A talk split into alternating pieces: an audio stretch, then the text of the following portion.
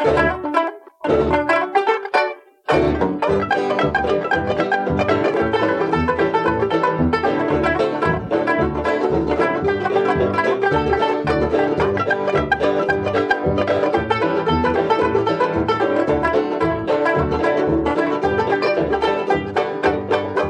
och välkomna till Designpodden. Hej! Då var det dags att prata om eh, en av de stora danskarna. Mm, ännu en gång. Eh, Precis, eh, det finns ju några namn där att välja på och det här är väl kanske, ja är inte det här nästan det mest kända? Jo, För det är det. Arne Jacobsen är ju på något sätt så synonymt med designklassiker. Mm, jo, men det, han är ju det. Och ibland tänker man att det är lite tråkigt med hans grejer. Mm, Men jag funderar lite på om inte det beror på att det är så vanligt. jo, jo, det är för att man har sett det så ofta såklart. Ja, så att hans grejer med den äggfåtölj är ju jättebra egentligen. Det är bara att det inte är så jättekul bara för att man ser det på banken när man går dit och liksom så. så Vad är det ute för fancy bank? ja, men det är olika. Olika. Ja, så här, man får gå från bank till bank. nej, nej, men alltså grejen är att, eh, men det är ju ändå roligt för att det här är ju ett av de namnen som, men han har ju verkligen gjort sådana möbler som har blivit så extrema klassiker. Vi måste ju ta honom. Ja. Vi kan inte låta bli. Och vi kände att det var lite dags. Eh, Så att vi kommer att prata om Arne Jacobsen idag och eh, det kommer att bli... ehm, eh, Du kommer ju köra rätt mycket om hans person och så. Mm, det är som vanligt. Men jag tycker att jag har pratat om honom förut. Ja, du, du, du säger det att du tycker du känner igen mycket av det här. Jag känner igen jättemånga små anekdoter i det och jag vet inte om det beror på att jag är synsk eller att danskarna har haft samma liv. Ja, de, de har ju varit lite så parallella med varandra så det kan vara det eller så är du synsk. Ja, Eh, det jag vet inte. Nej, jag, Nej. Tror, jag tror på synsk. Ja, det är nästan att det kan vara Ja, det. faktiskt. Men Eh, vi tänkte innan vi startar, vad har vi använt för bok? vi har använt en som heter Arne Jacobsen Designer. Mm. Som jag inte gillar så mycket. Nej. jag säga på en gång. Eller jag hatar den. Mm. Den irriterar mig så mycket. Varför? För att den inte makeade någon sens. Eller det, all info var inte där. De hade missat liksom crucial parts Ja, som man var tvungen att plocka från andra ställen Den istället. var inte kronologisk som jag gillar. Nej, precis. Skrivet ganska tråkigt också. Mm. Så att det är nog första gången jag tycker att en bok var tråkig. Men nej, jag gillar den inte alls. Nej, det krävde ju lite mer extra jobb liksom, när man Ja, det någon, ja, men när man inte har någon bra Nej, grundkälla utan man får använda så mycket olika. Ja. Ja, nej det gillar jag inte. Och säg vilka som har skrivit den. men det, är, det är ju en dansk bok ursprungligen så att det är Karsten Tau och Kjell Windum. Va? Japp. Eh, och eh, ja, det är en bok man kan eh, absolut om man kommer över den köpa den Men för att det är kul. Och, men det finns bättre böcker absolut. Garanterat. Mm. Hur som helst, vi kastar oss in i veckans avsnitt. Yes! Vi som pratar heter ju Sanna och Andreas och ni lyssnar på Designpodden.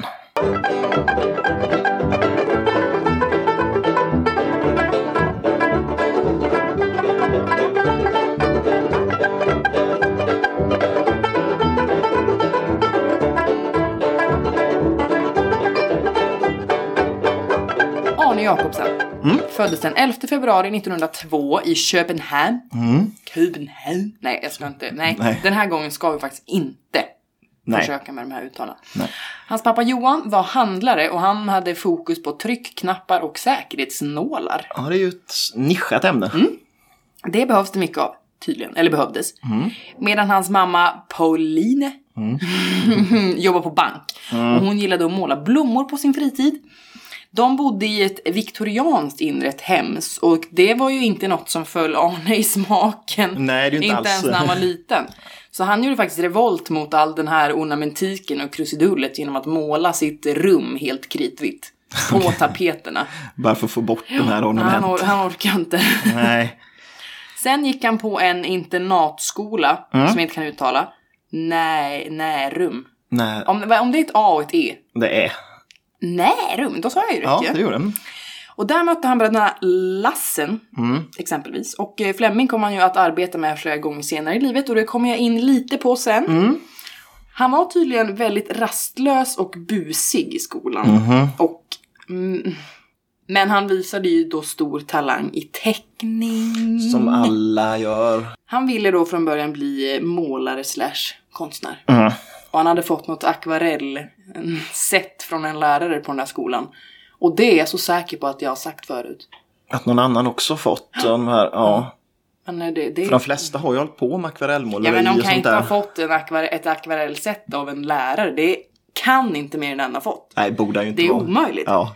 Men det fick han i alla fall. Mm. Men pappa Johan då, han tyckte att, eh, att, att det var inte säkert. Nej. Man kan inte bli konstnär, eller det är ju för osäkert här Det går inte att leva på tänkte han. Så han tyckte arkitektur, det kör vi på. Mm. För det, det är mer safe. Ja, det är ett yrke i alla fall tycker han. Precis va? Och så kom det då att bli va?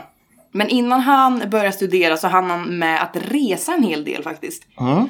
Han gav sig exempelvis iväg på båt till New York. Ja, det var ju alltså så tidigt. Mm.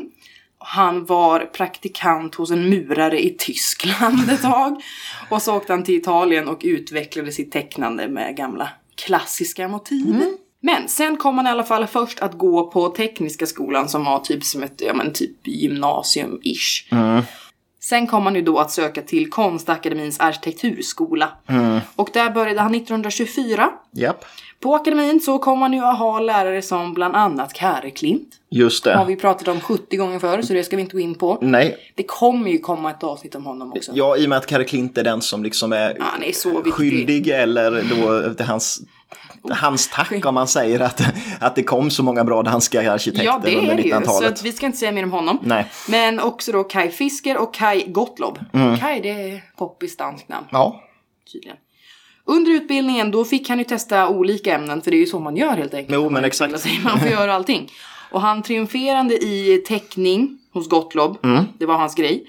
Och hos Fisker så fick han faktiskt vara med och rita på den danska paviljongen till världsutställningen i Paris 1925. ja, men det är ju jättecoolt. Exakt va? Och något som då är ännu coolare, Mm. det är att på den här utställningen så vann han faktiskt silvermedalj för en rottingfåtölj. Oj, Han var alltså bara 23 bast och han, ja han var ju fortfarande student så det, det är ju skitcoolt. det visar väl lite på att han faktiskt hade de enorma talangerna.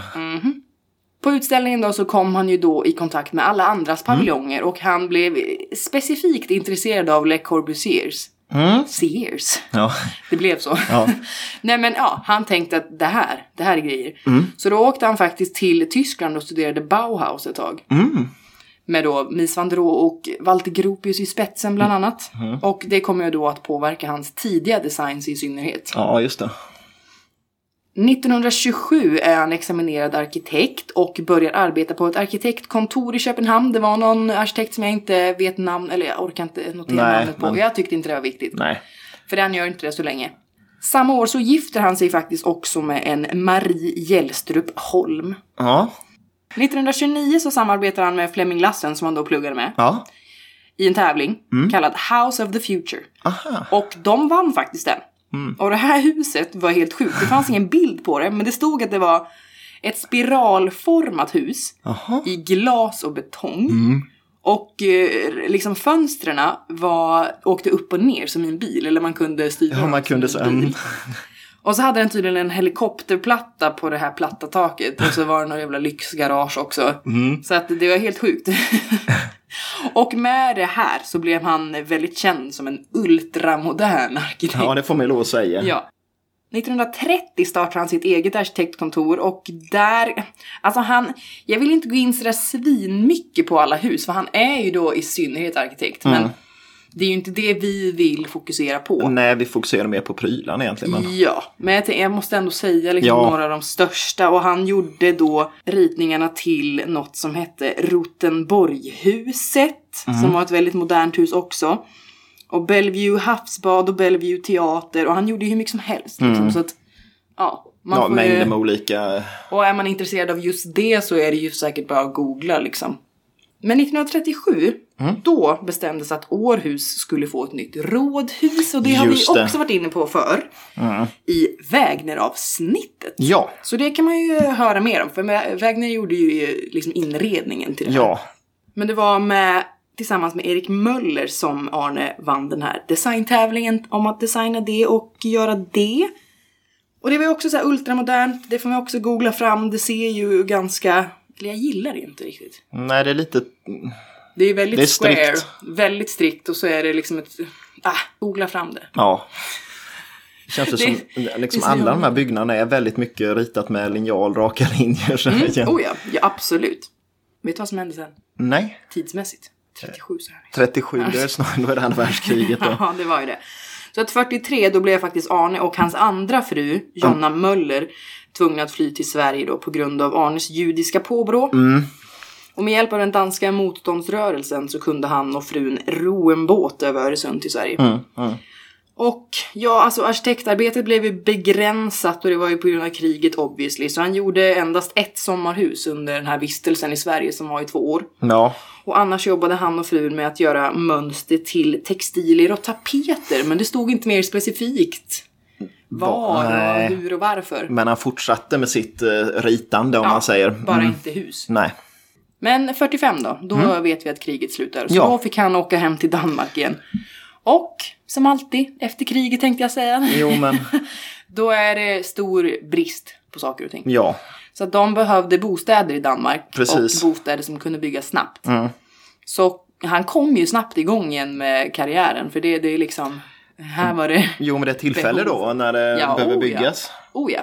Så han gjorde då bland annat Söholmhusen och han kom faktiskt att flytta in i ett av dem. Kan man också googla, de ser ganska coola ut. Han gjorde lite olika stadshus och skolor och som sagt, eh, han gjorde hur mycket som helst. Och sen var boken mest att 40, 50, 60-talen var mest bara beskrivningar av hur många hus han gjorde och vilka det var. Ja, Står ingenting annat om 50-60-talen, så där vet inte jag vad som hände nej. mer.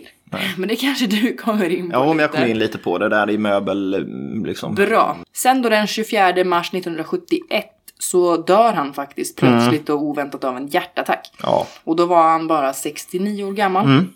Och hade väldigt många liksom ofärdiga projekt. Som han inte hann avsluta. ja, han jobbade verkligen in i det sista. ja, ja. Och det är ju... Ja, han var ju bara 69. Ja. Eller ja, det är ändå efter Ja, många, många är ju pensionärer då, men Ja. han körde ju på givetvis Ja, där. oh, ja.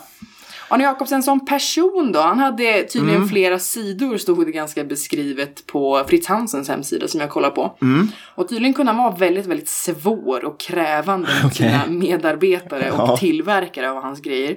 Och det förväntades nästan att de skulle jobba jämt. Okej, ja. Han ville att det liksom alltid skulle vara någon som fanns där. Mm. Och hemma, då ville han verkligen ha nitisk ordning och så här, kaffemuggarna var i helt raka rader och de tre sönernas leksaker fick inte... nej, det, liksom nej, allt synas. skulle vara Mm. pedantiskt.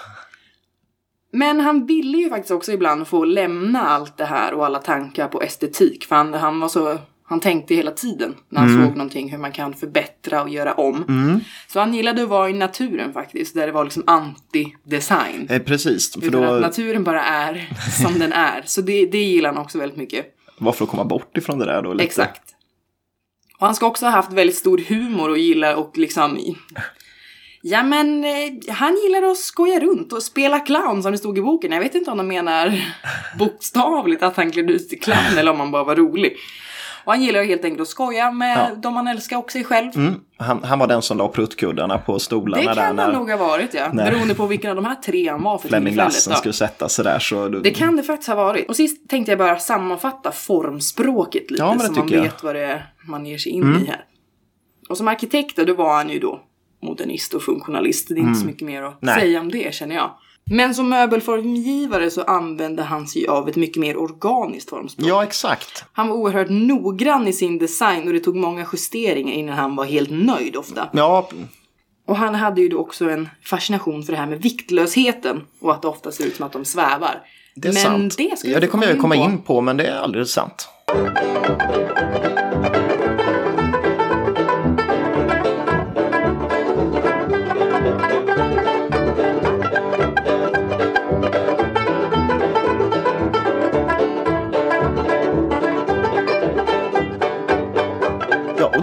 Jag komma in lite på möblerna. Här. Ja, det kommer bli ganska mycket egentligen och mycket så olika modeller och så. Och här är det ju som vanligt, googla runt och kolla, gärna samtidigt om man, om man vill och Ja. om det är sådana man inte känner igen. Ska göra ändå lite för att man ska kunna beskriva dem lite hur de ser ut för att det, det är relevant liksom för de olika modellerna. Men jag tänkte börja med eh, de här fanerstolarna som är ett eget kapitel i, i eh, Arne Jacobsens formgivning. Och det, det är ju en typ av möbel som hänger med honom ända fram till hans död egentligen, olika modeller som han ritar. Men den jag tänkte börja med kom ju 1952 och var den för, första av de här massproducerade. Och vilken var det? I don't know, var det Myran? Ja, Ja, det var det. Ja, det var modell 3100 Myran med tre ben.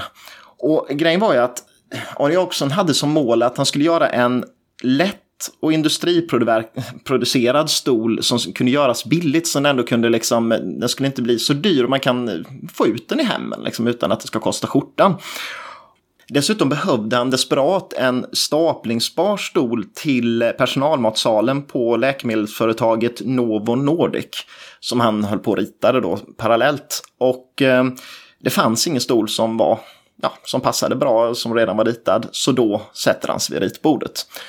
Och eh, för att få inspiration så ber han Fritz Hansen, som han jobbade för då, att beställa eh, makarna Ims LCM-stol. Och det är den här eh, lounge-stolen med eh, fanerrygg och sits och sen så metallstomme.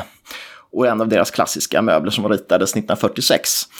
Och man beställer hem en sån och eh, Arne Jacobsen utgår från den. Men han gör det som Eames inte lyckades med, för de ville ju göra en stol med ett formböjt skal, men det, mm. det gick ju inte så de fick ju dela upp den. Men Arne Jacobsen lyckas då, så att han, eh, han liksom eh, sitter där och skissar på en stol som är i formböjt faner och som bara har liksom ett eh, sammanhängande skal som bildar både sitsen och ryggen. Eh, en av de här stolarna som han ritar tar Fritz Hansen fram en prototyp av. Och den prototypen fortsätter Ronny Jakobsen med lera och bygga på den och göra om för att försöka forma den som han vill ha den. Och han tar fram ungefär tio olika modeller och så, så, som man har att välja på. Och till slut så väljer man ut den och det är det som blir eh, stolen Myran då. Och den heter ju Myran för att lite fantasifullt kan man tänka sig att den ser ut som en myra helt enkelt mm. med den här segmentkroppen. Den, den har ju lite den, den framtoningen och sagt med de här tre benen trots att den är tre och inte sex ben då så blir det ändå lite insektsaktigt av den då. Um, och man kan säga att materialet på den det är ju faner och det är gjort av eh, nio lager träfaner. Och sen så är det uppblandat med två lager bomullstyg mm. eh, som håller ihop det ordentligt. Eh, och sen så trycks det här ihop med hjälp av då högt tryck och värme. Och då så bildas det här hållbara faneret som ska eh, liksom, kunna göras, böja ja. så pass mycket utan att eh, yes. man behöver olika skal. Eh, han gjorde det med tre ben som sagt bara. Han tyckte att fyra ben funkar inte alls på myrans stol. Det blir konstig balans i formen så att man ska ha tre ben. Och den var ju dessutom staplingsbar. Eh, sen var ju det där sista målet som fanns med stolen var ju att den skulle vara billig. Och det var svårt, för att även att liksom, den var Ja, den gick att tillverka fort. Normalt sett tog det en dag ungefär för en arbetare att göra en stol på Fritz Hansen. Nu mm. gick det på tio minuter. Grejen var bara att materialen så var ganska dyra så att den blev inte så billig. Så att för att få ner priset så sänkte Arne Jacobsen sin royalty ganska kraftigt för att de då skulle bli lite billigare ut i handeln. Och eh, Resultatet blir då stol 3100 Myran och den presenterades första gången på Fritz Hansens 80-årsjubileum den 24 november 1952. Eh, men sen stort för allmänheten visades den egentligen på Konstindustrimuseet i februari 1953.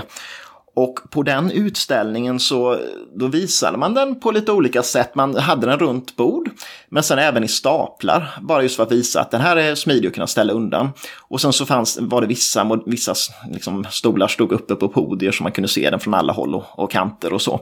Eh, och de stolarna som fanns på utställningen de var i bok. Det fanns eh, svarta stolar, det fanns några som var blå och turkos och sen så någon enstaka röd stol. Men man skulle få lite spridning på det där. Mm. Så att, Um, och sen till den här utställningen så, för det här var ju ganska graf, en grafisk stol, den var ju liksom en ganska tydlig siluett som blev snygg på foto. Och till den här så hade han ett av sina egna eh, tyger eh, som var svart och vitt abstrakt mönster på väggen. Och då blev det väldigt mycket fina pressbilder som folk mm. tog, så att det var väl ett bra sätt att nå ut i tidningarna med, med Myranstolen. Eh, men, men trots att den fanns i olika färger eh, så såldes den bara i det här bok utförandet då, eh, eller i svart. Um, och sen efter några år så kom den i teak, ek och jacaranda också för man skulle kombinera den med olika bord. Uh, men det, det var egentligen inte förrän 1968 som det kommer fler färger på den. Mm. Um, och då väljer Arne Jacobsen själv ut olika färger så att det blir en serie på vitt, grönt, röd, curry då och sen grön, blå och mörkgrön. Så det är de färgerna som han tyckte passade Men på. det var orange väl? Curry? Eller? Ja, orange, gul, lite så. Ja. Men som sagt var, den fanns bara, bara med tre ben. Det gjordes något litet undantag. Men Arne Jacobsen motsatte sig det ganska kraftigt, att man hade fyra ben. Eh, dock fanns det ett utförande där benen var klädda i grå räfflad plast. Man kallar det strumpor på. Mm -hmm. Och det ser man ibland idag att det finns kvar sådana gamla stolar. Ser hemskt ut, men eh, de är ovanliga.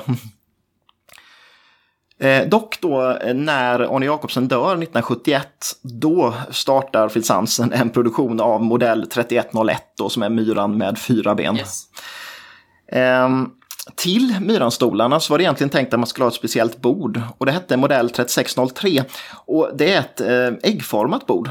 Eh, tillverkades bara under ett par år så det finns inte många gamla. Men sen kom det en jubileumsutgåva 2002 i nyproduktion, en limiterad utgåva av det bordet. Men det är ganska snyggt till, till. Som ett myrägg. Ja, det är lite så. Eh, och tänkte efter varje möbel så gå in på nypriser mm, på dem absolut. och även auktionspriser. Yes. Och eh, de kostar olika beroende på om det är tre eller fyra ben. Båda modellerna finns fortfarande. 3100 då, tre ben, kostar 3516 kronor lackerad. Mm. Och den kostar 4419 kronor om den är i ask eller det finns något annat trä, trärent utförande. Eh, den fyrbenta varianten kostar 3840 i svart svart eller vit eller lackad i någon av de andra färgerna. Och den kostar 4760 i ett trärent utförande. Mm, mm. Så den är ju 500 dyrare ungefär, ja. 300-400. Kan väl ett ben vara värt. Ja. Eh, auktionspriserna, eh, ja det är inte så mycket att diskutera egentligen för att det varierar så oerhört mycket. Ja, eh, det, är bara, ja, det, det, är ju runt tusenlappen skulle jag säga, men sen så, ja stycket. Men är det i, ehm, jag skulle nämna några fall för att det är ju vissa som kan vara lite dyrare och det är ju till exempel Jacaranda. Yep. Där jag hittade två olika klubbslag. Det var en stol i Jacaranda som gick för 4600 Oj. och fyra stolar i Jacaranda som gick för 15 400. Så de Oj, är ju okay, mycket ja. mer eftertraktade eftersom de inte finns längre. Mm. Och sen också det här bordet då, det här äggformade bordet. Hittade ett, eller två klubbslag eh, av de senaste då på ett gammalt sånt bord från tiden. Och de det ena var på 7700 och det andra på 18 000. Oj, Skilde lite i, i um, skicket men inte, mm, nej, inte så, så, att det mycket. borde motiverat ja, så. Men de är ganska eftertraktade kan man mm. se ändå. Sen det här jubileumsbordet är också väldigt eftertraktat eftersom det är en limiterad upplaga. Så att de två senaste klubbslagen jag hittade var på 12 000 respektive 9 000. Mm, så det är, att, eh, det är rätt mycket pengar ja, för, ett, för ett bord. Men det här med att Myranstolen bara fanns med tre ben och inte med armstöd gjorde att det började komma efterfrågan på sådana utföranden på Myran också. Och Fritz Hansen ville ha det, men då ritade Arne Jacobsen en ny stol istället. Och det var eh, stol 3207, sjuan med armstöd. Och eh, den heter väl sjuan helt enkelt för att den har modellnummer sju på slutet. Mm. Eh, den kom 1955.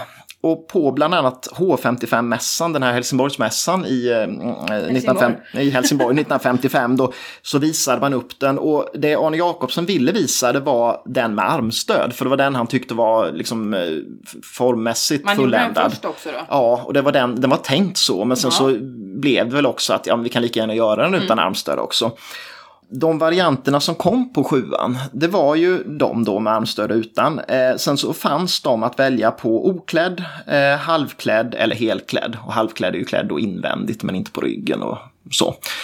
Eh, ursprungligen så fanns den, förutom då klädd variant, så fanns den i svart jacaranda, teak och ek.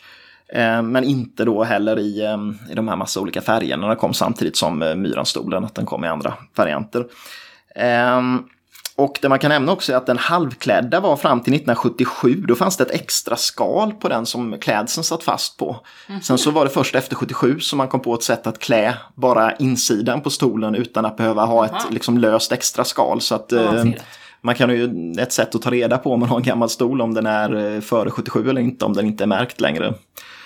Ehm, och många har ju sett också skrivbordsstolen, sjuan, den finns ju också.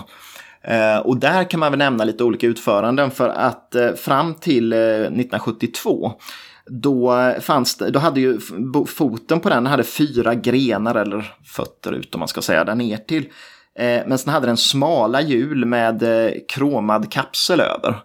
Men sen 1973 74 då införde man gaspatron på den istället. Och det är den här som gör att man inte mekaniskt behöver höja och sänka den. Utan man kan, den här gasen gör att man kan sitta på den och åka ner långsamt eller bara släppa upp den. Eh, men den är fortfarande eh, fyra eh, fötter då, men att den hade klotformade hjul istället.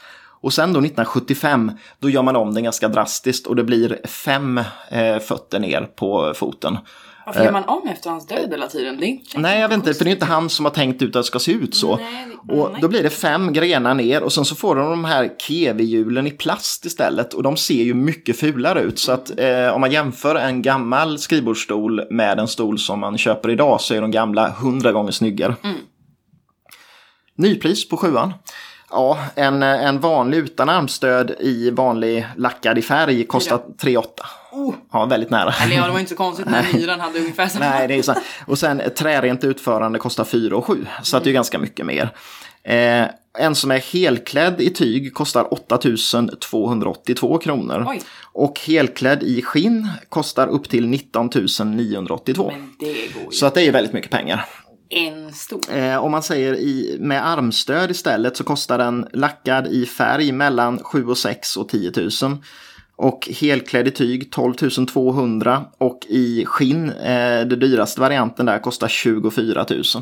Så att de är ju vansinnigt dyra. Mm. Skrivbordsstolen, samma sak där. Alltså, det är, det är dyrt. Alltså, eh, en lackad i färg eh, kostar 10 000 ungefär. Men finns det i skrivbordsvariant? Ja, ja. Det ser man ju knappt. Nej, inte så ofta alls. För det är inte så skönt att sitta på länge vid ett skrivbord. Så en trärent utförande då kostar 11 600. Helklädd i tyg 15 000. Och helklädd i skinn kostar mellan 18 och 6 och 26 och 8. Uh. Så att det, det, är rätt mycket pengar. Ja, men sjuanstolen blev ju trots att, alltså, och det är ju den sjuanstolen utan armstöd är ju den stolen som Fritz Hansen har sålt absolut mest av av alla sina yes. stolar och en av världens mest sålda stolar. Nej. Trots att den inte ens var en stol som Arne Jacobsen tyckte var bra, för han gillade den ju bara med armstöd egentligen. Sen finns det ju då ett antal andra fanerstolar som är inte riktigt lika kända som Myran och Sjuan. Den stolen som har följande modellnummer då, den har ju eh, 3102. Mm. Det är tungan. Är det den som ser ut som sjuan fast inte? Ja, den har inga former alls egentligen, utan det är som en tunga. Nej, ja, det är den. Den har liksom eh, bara en, ja. ru lite rundad upp till och fram till, men annars Just är den bara rak på ja, kanterna. Eh, och den ritades till eh, Munkegårdsskolan eh, som Arne Jacobsson ritade. Han ritade skolan men också möblerna dit. Och det är ju en form av minimalistisk stol egentligen. Eh, och den kom 1955 också, samma år som sjuan då. Eh, och eh, det som är typiskt för den är just till exempel att den inte har någon inskärning i ryggen där vid böjen. Och eh, benen skiljer sig också ganska kraftigt åt för att eh, stolen är inte staplingsbar. Och benen är vinklade betydligt mer. De liksom startar mer i centrum av stolen under.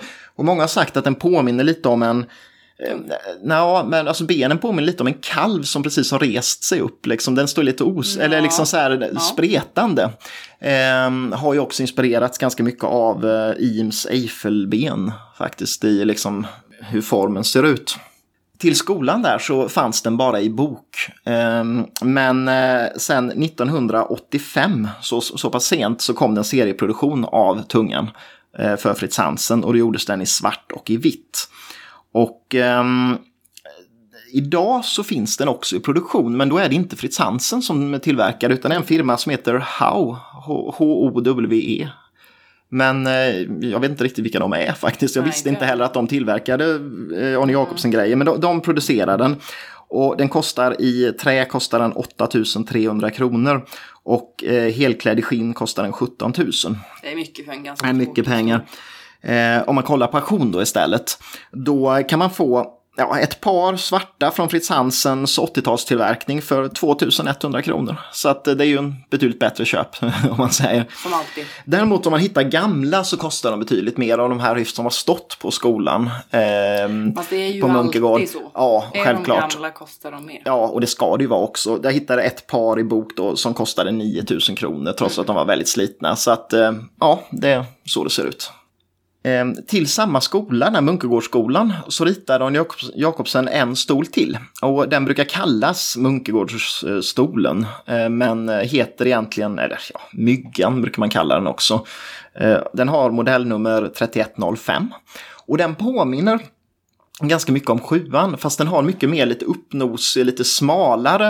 Eh, liksom den fortsätter rakt mer på ryggstöden så går upp en mer snäv sån här, ska man säga, Ja, ja, ja. ja. eh, vinkel uppe jag, vid jag, ryggen. Jag fattar inte vilken Nej. var utan myggan bara, men ja, just det. Eh, och den gjordes i tre storlekar till skolan och det var just för att man skulle ha till de små barnen, eh, mellaneleverna och sen så en vuxenvariant. Den är ganska kul. Ja, den är rätt kul. Jag tycker den är en sån här lite ovanlig variant till eh, sjuan om man vill ha lite mer, ja, lite ovanligare stol. Och eh, den gjordes också bara i bok från början. Och vuxenvarianten av den här som var då sitthöjd 44 cm, den började till, eh, serieproduceras av Fritz Hansen. Och den gjordes i bok, eh, teak, svart och eh, sen även stoppad variant då med tygklädsel. Ehm, sen så valdes man av någon anledning att göra just den här stolen, myggan då, som kontorsstol också. Men då använder man samma benställning som sjuanstolen. stolen. Den här var i produktion hos Fritz Hansen fram till 1974 när man la ner produktionen. Och om man säger auktionspriserna på den är ungefär som en sjuanstol plus minus. Däremot nyproduktionen då, det är också Hau då som har hand om produktionen av den. Så att de har, har den i nyproduktion idag. Och den kostar i ek kostar den 4 400 kronor. Mm. Och i ask och valnöt 5 200. Okej. Men visst, det är väl liksom valnöt är ju en snygg, en snyggt utförande.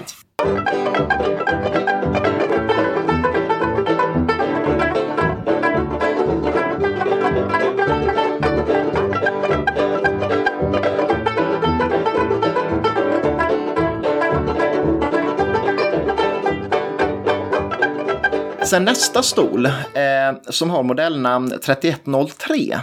Den fick väl kanske lite kritik för att den är lite kantigare och klumpigare än många av de andra av Arne Jacobsens möbler. Och den kallas i folkmun då för T-stolen. Och det beror helt enkelt på att ett, det, ryggstödet är format som ett T. Mm. Och i övrigt har den ändå samma grundsvung som en sjuanstol. Oh ja, oh ja. Eh, bakgrunden var att en läkare som hette Egil Snorrason eh, Nej. Eh, klagade på Arne Jacobsens stolar för han menade att de saknade ländstöd och det var inte bra att sitta i länge. Och det är faktiskt faktiskt sant, va? för att har man suttit i en sjuanstol under en lång tid så märker man att man får väldigt ont i ryggen. Det är väl väldigt många stolar man får det Jo, men visst är det så. Men han den här läkaren han tyckte att, eh, men Arne, kan du inte göra en stol som är bra för ryggen också, inte bara ser bra ut? Och därför så, eh, ja, Jakobsen tyckte väl att det var helt okej, så att tillsammans med Snorrason då, så gör de 3103 T-stolen. Och det här är 1957, ett par år efter eh, sjuanstolen. Och det som skiljer den åt är ju dels den här lite bredare, liksom, i och med att den är T-formad så är den lite bredare skulderstöd. Och sen så är den lite mer framskjuten krök som gör då att man får ländryggstöd. Och ehm, det gör också att många har tyckt att den påminner lite mer om en offentlig miljöstol än Asså? uh, sjuanstolen som är mer hem. är. Nej. Eh, Den här gjordes också i tre storlekar av någon anledning, så den fanns också som barnstol redan på den tiden. Ehm, Den ursprungliga varianten var teak och sen så fanns den också med stoppad klädsel. Eh, Men lite stenare kommer också standardfärgerna på även på den då. Ehm, Och den valde man att bygga ut då så att man även kunde få den med armstöd och man kunde även få den som kontorstol och som eh, pelar, alltså centralpelare som skulle monteras i, eh, i golvet och det var väl till offentlig miljö mest. Men den togs ur produktion 1974 samtidigt som myggan. Ehm, man kan väl också där säga att, att auktionspriset är ungefär som en sjuanstol plus Ja, minus. Möjligen lite mindre ibland. Men ja. Eh, du fin- snorra sån under? Ja, nej det gör det inte. Synd. Och den finns ju inte i nyproduktion. Nej. Sen kommer vi fram då till 1957 igen då, vi var ju samma år som T-stolen och då producerar, eller släpper Johnny Jacobsson en stol som är väldigt populär än idag. Och det är eh, modell 4130 Grand Prix. Yeah. Och den, eh, den är ju mer, man säger, vingformad rygg på den, lite som en vilja säga, Viggenplan. Det eh, är ju som ett kryss fast utan liksom nederdel. Ja, Som ett halvt kryss. ja, som ett halvt kryss. Fantastisk. Eh, och det som också skiljer den första varianten särskilt av, av Grand Prix från de andra skalstolarna är att benen var också i formböjt trä. Eh, så att ofta var skalet, ja, skalet fanns antingen i tik eller bok, men benen var alltid i, i bok som var formböjd. Men den kunde vara betsad också. Och orsaken till det namnet Grand Prix, det var att stolen fick Grand Prix vid eh, triennalen i Milano 1957. Eh, och det var ju jättebra och allting var frid och fröjd, men sen gick det åt helsike. ja, för att det visade sig att benen höll och det var jättebra, va? men limmet höll inte så att alla stolarna gick sönder. Eh, så att de man sålde fick man återkalla allihopa. Eh, och så var man tvungen att lägga in en kryssfanersskiva mellan ben och sits för att den skulle hålla ihop. Så att det vart ju lite ett fiasko. Förmodligen ville man pressa ut den till triennalen. Ja. Och sen så visade det sig sen att det hade gått lite för fort. Eh, 1974 sen så stoppas produktionen och man Och till, tillverkar inga fler. Så det är många, många stolar som försvinner just det året. Vad händer då då tror jag egentligen? Förmodligen ställer man om produktionen ganska kraftigt. Det är ju mitt under oljekris och Ja, det går det dåligt det. för Ja. så. Så att eh, man tar bort Grand Prix då, dyr att tillverka. Men eh, nu finns den ju i produktion igen. Av Tre ungefär. Ja, jag kommer till det.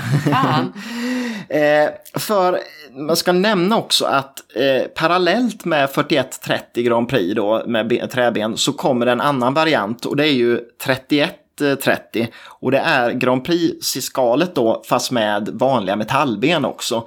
Inte alls lika cool men naturligtvis billigare att tillverka så att det blev väl logiskt att man gjorde en sån variant av den också. Eh, till Grand Prix-stolarna så ritade Arne Jacobsen också Grand Prix-bord.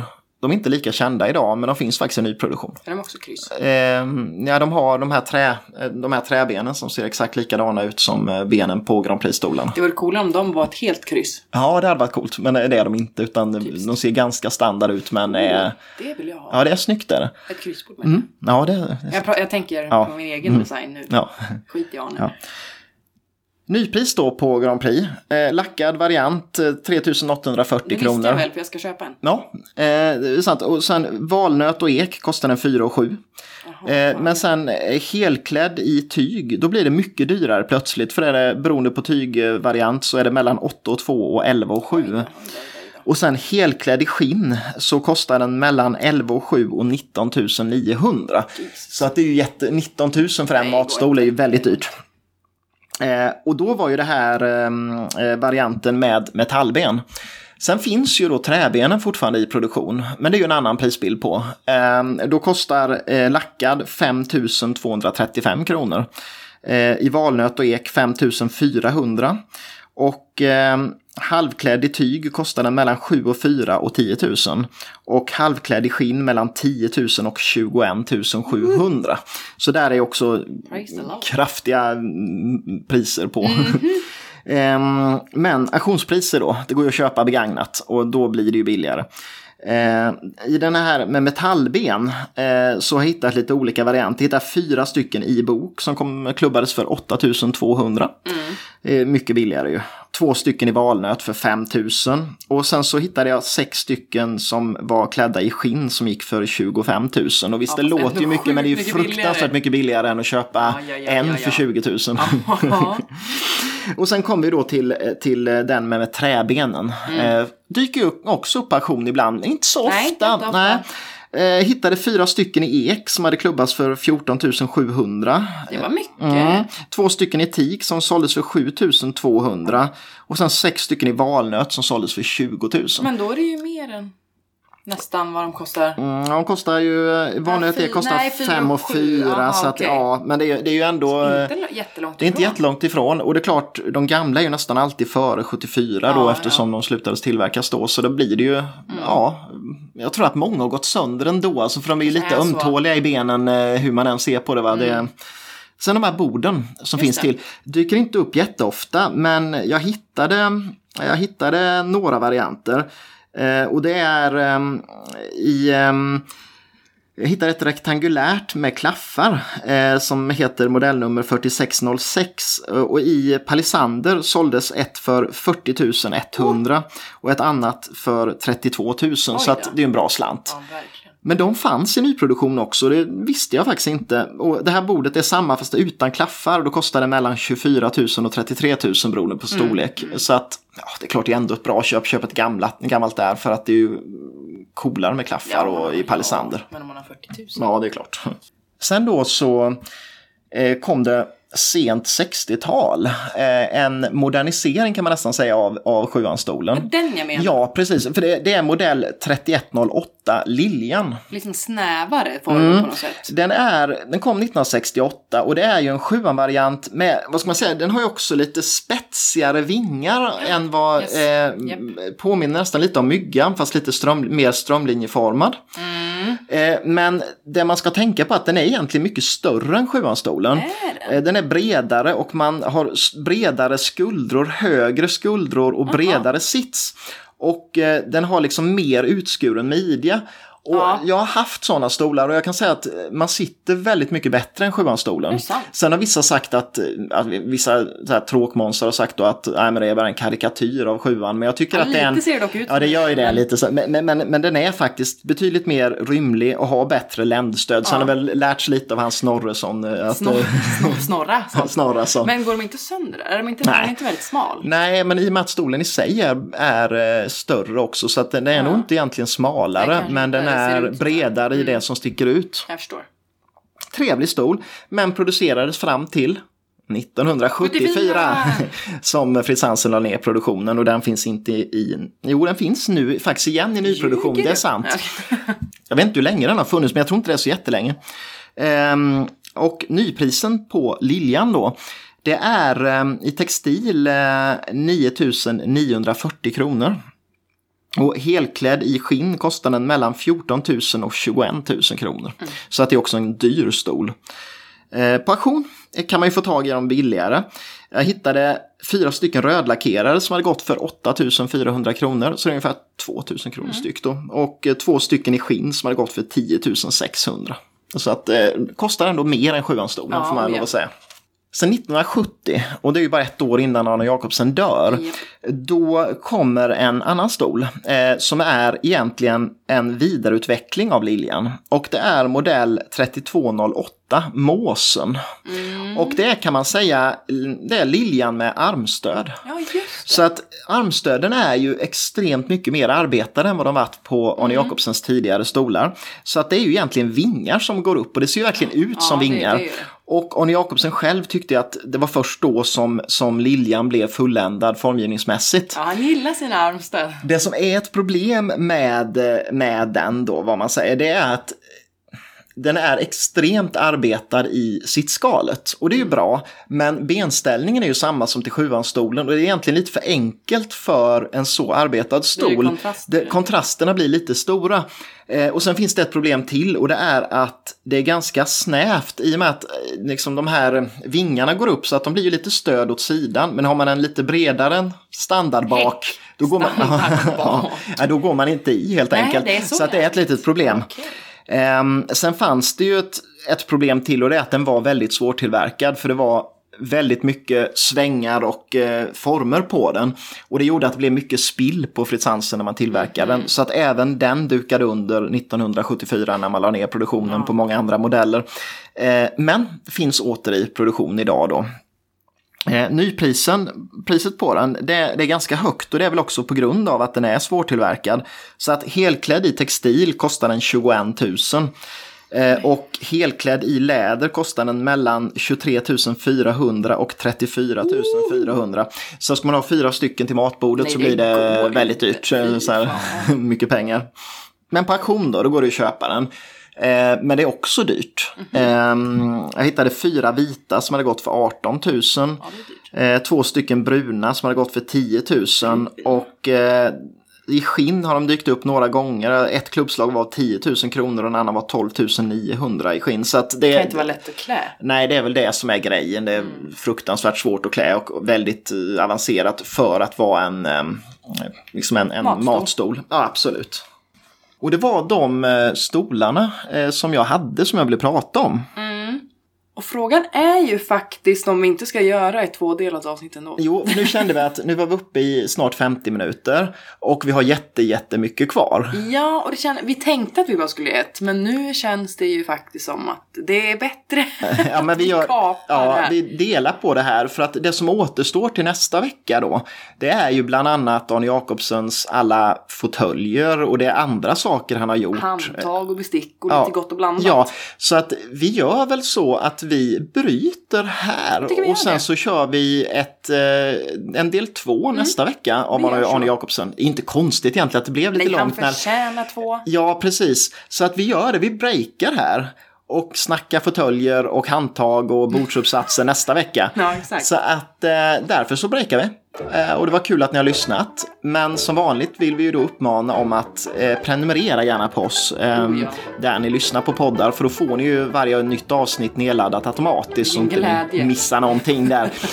eh, och sen så vill vi återigen då också påminna om att liksom följa oss på Instagram. För att där heter vi Designpodden och där lägger vi upp bilder i princip varje dag ju. Så att mycket kul grejer där. Eh, vill man något så kan man ju också mejla oss. Yes till designpodden.gmail.com. Ja, och eh, annars så, ja då får ni ju hålla er till tåls till nästa vecka så snackar vi, snackar vi vidare om Arne Jacobsen. Hej!